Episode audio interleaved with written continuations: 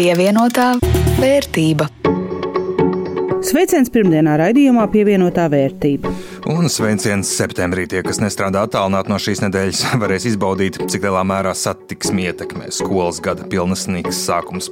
Ar jums kopā Jānis Rāmāns no Latvijas radio un Rudīts Pakauska no Latvijas televīzijas. Bet šodien raidījumā par darba tirgu, kas ar to notiek, kam ir vara darba ņēmējiem vai darba devējiem, un kā tirgu ietekmējuši bēgļi no Ukrainas, un, protams, kā varētu beigties inflācijas dēļ šķiet neizbēgamās sarunas par darba samaksu.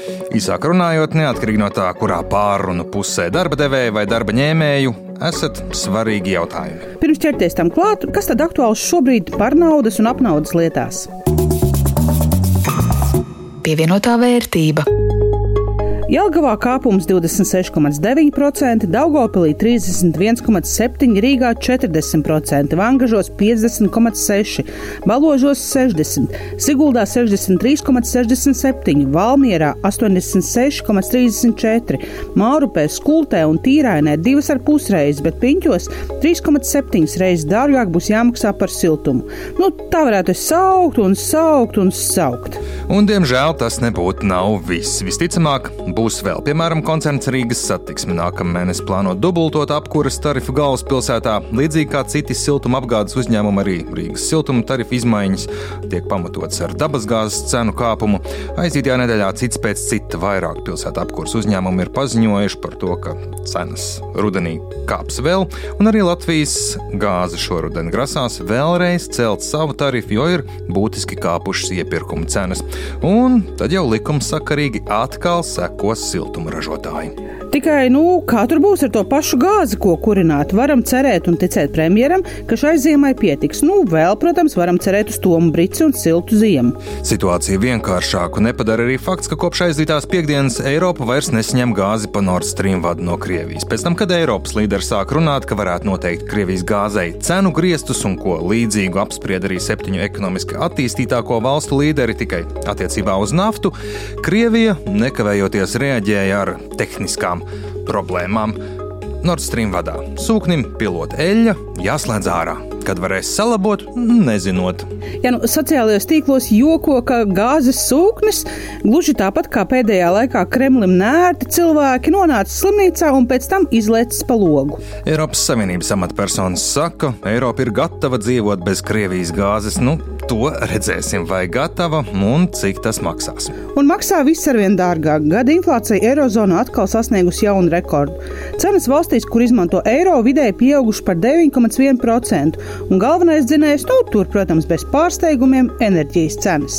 Un tām, diemžēl, likums sakarīgi seko arī visas citas preču grupas un pakalpojumi. Un, jā, vēl jāpiebilst, ka visnaskāk cenas augšup Eirozonā dzenam mēs, Baltijas valstis. Pirmo vietu ar vairāk nekā 25% ieņem Igaunija, otrajā vietā ar 21,1% Lietuva, bet mēs turpat vien turam līdzi ar 20,8%.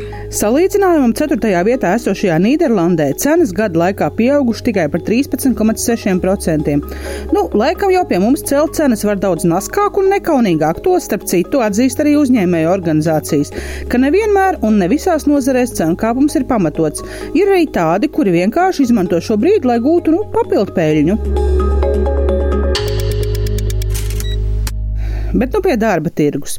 Kad es parunāju ar draugiem un paziņām, man šķiet, ka visa pasaule norausies no ķēdes. Par spīti bažām, ka ekonomikā gaidāma, nu, ja ne liela melna krīze, tad nu vismaz maza patumša krīzīte.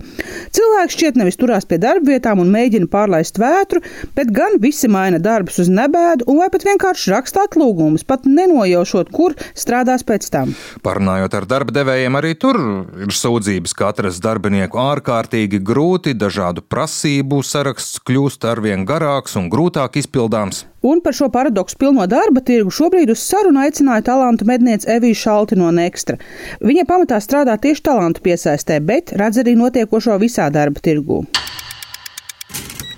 Kuram šobrīd ir tā vara un spēks darba tirgu? Tiem, kas meklē darbiniekus, vai tiem, kas meklē darbu? Mēs paši esam darba tirgu jau 17 gadus, un uh, tik liela spēka pozīcija darba ņēmēja pusē vēl nav bijusi pēdējos 17 gadus. Principā šobrīd ir tā, ka darba ņēmējs ir uh, tāds karalis.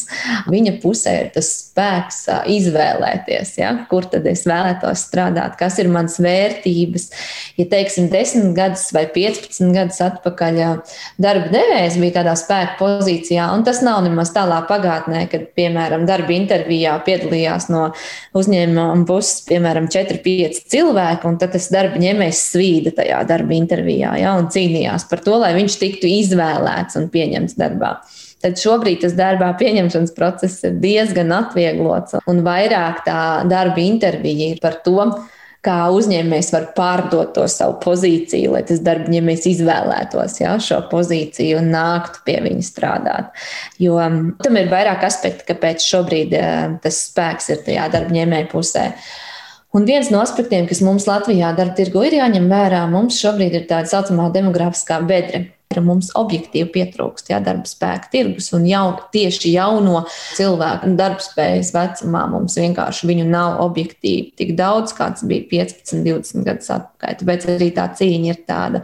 Un pēc pēdējiem datiem skatījos. Nodarbinātības valsts aģentūras mājaslapā iepriekšējā trimestrī bezdarba līmenis bija 6,6%, kas ir viens no zemākajiem pēdējo 20 gadu laikā. Viens no faktoriem ir tās politiskās situācijas. Piemēram, IT jomā daudz darbinieki strādāja uz Baltijas tirgu no Ukrainas un no arī nu, Krievijas. Ja? Un šobrīd šis darba spēka tirgus mums nav pieejams. Līdz ar to Baltijas darba spēka tirgus ir kļuvis vēl iekārojamāks Eiropai un Skandināvijai. Un tos darbus, ko var veikt attālināti, tad šobrīd galvu mednieki no Skandināvijas un Eiropas medīja Baltijas tirgu. Mums jau šobrīd ir centrālā statistikas pārvaldē veiktajā pētījumā reģistrēti 13,000 darbinieki, kas veic attālinātu darbu uz citām valstīm. Tātad mums jau ir zuduši 13,000 darbinieki kādās jomās, ko viņi var veikt attālināti. Tas ir ļoti liels cipars, teiktu, tā, un arī tā būs noteikti tendence.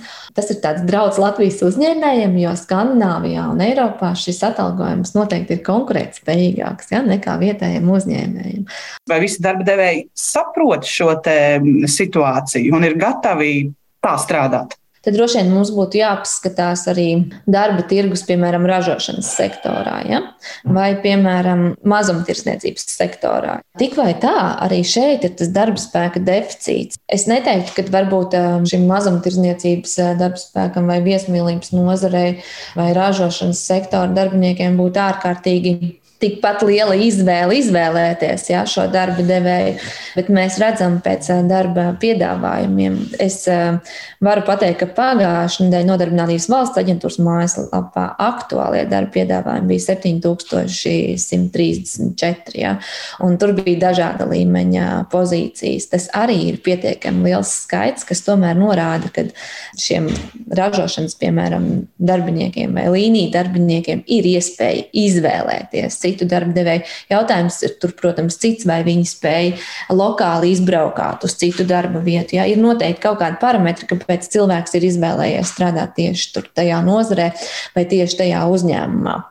Un, godīgi sakot, es domāju, ka daudz uzņēmēji cerēja, ka šīs politiskās situācijas dēļ mums pieplūdīs darba spēks no Ukrainas. Un kas tā arī ir, kaut kādas pozīcijas mēs varam nosakt ar Ukraiņas darba spēku, bet te ir jāņem vērā viens faktors, kad bēgļu plūsma, nu, pirmkārt, ir diezgan liela. Pēdējā 80 gadu laikā nevienam nav pieredze, kā regulēt šo bēgļu plūsmu, bet otrām kārtām pie mums ir atbraukusi liela daļa sociāli neaizsargātā grupa, piemēram, mammas ar bērniem. Un ir jāsaprot, ka mamma, kura, piemēram, audzina divus bērnus, ražošanas sektorā nevarēs strādāt pilnu slodzi, objektīvi, ja, objektīvi kaut kādu daļu daļu viņi var nosakt, bet ne visu to deficītu, kas mums ir. Tas, ko darba ņēmējiem, kas šobrīd ir viņiem tās vissvarīgākās lietas, viena, es saprotu, ir parādījusies, ir tas, ka es nestrādāšu darbu dēļ algas, man ir svarīgas arī vērtības. Jā, cilvēki izvēlās bieži vien šo uzņēmumu pamatojoties uz to, vai viņa iekšējās vērtības saskan ar uzņēmumu vērtībām.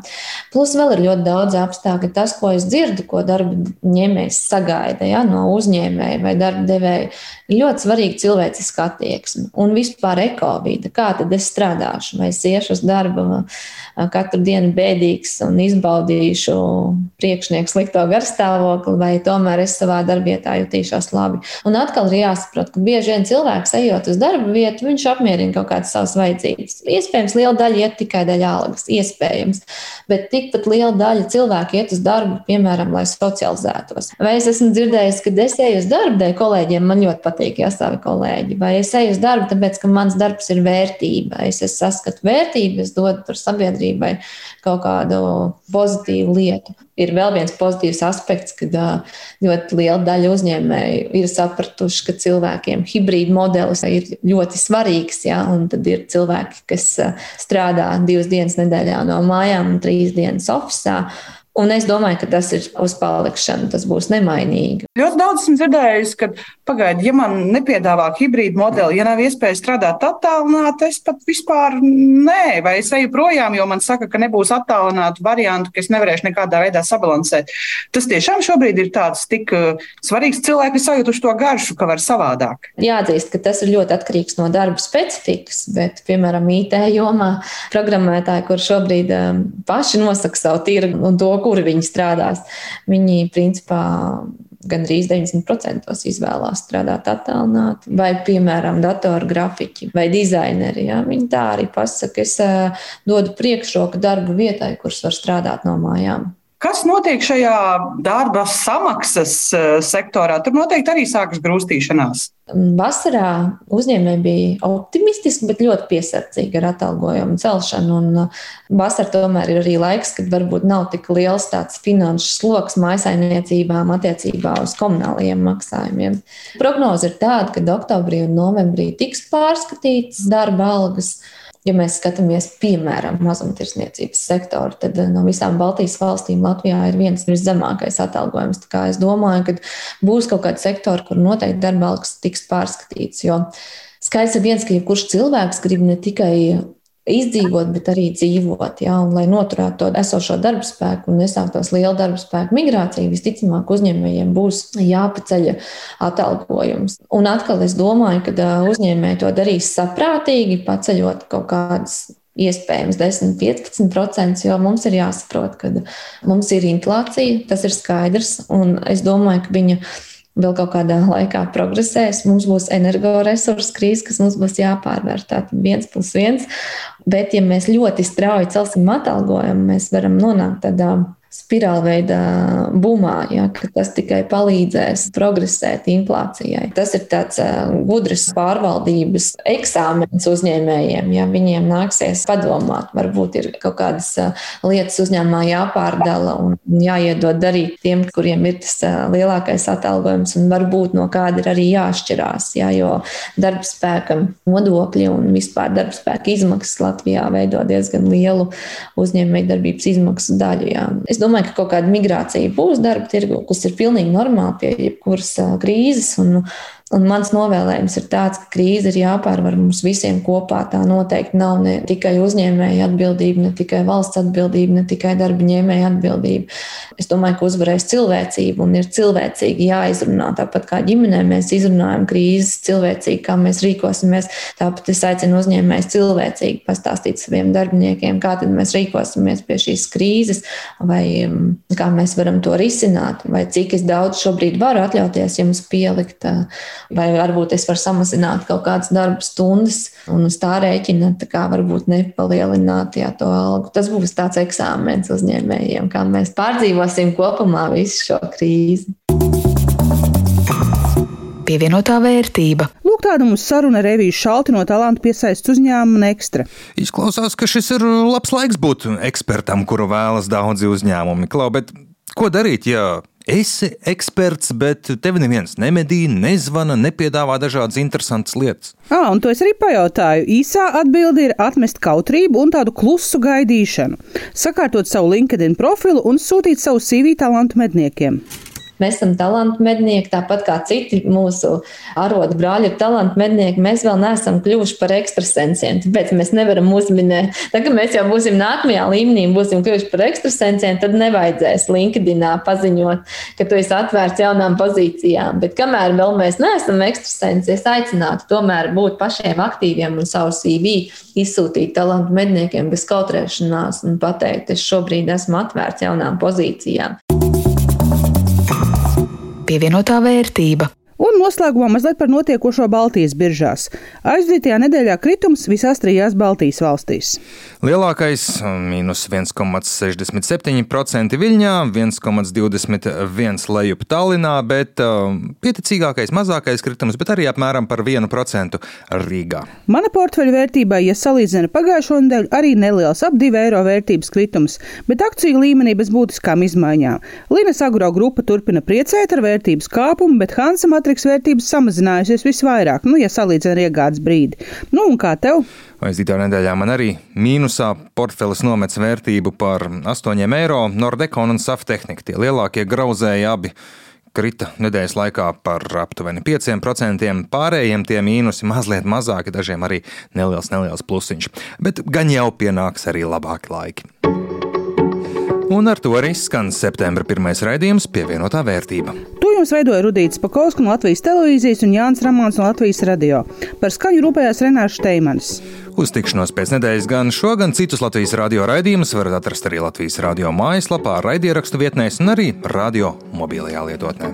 Tur var atrast arī daudz plašāku versiju šodien dzirdētājai sarunai ar talantu piesaistes eksperti. Tiekamies nākamā pirmdiena! Pievienotā vērtība.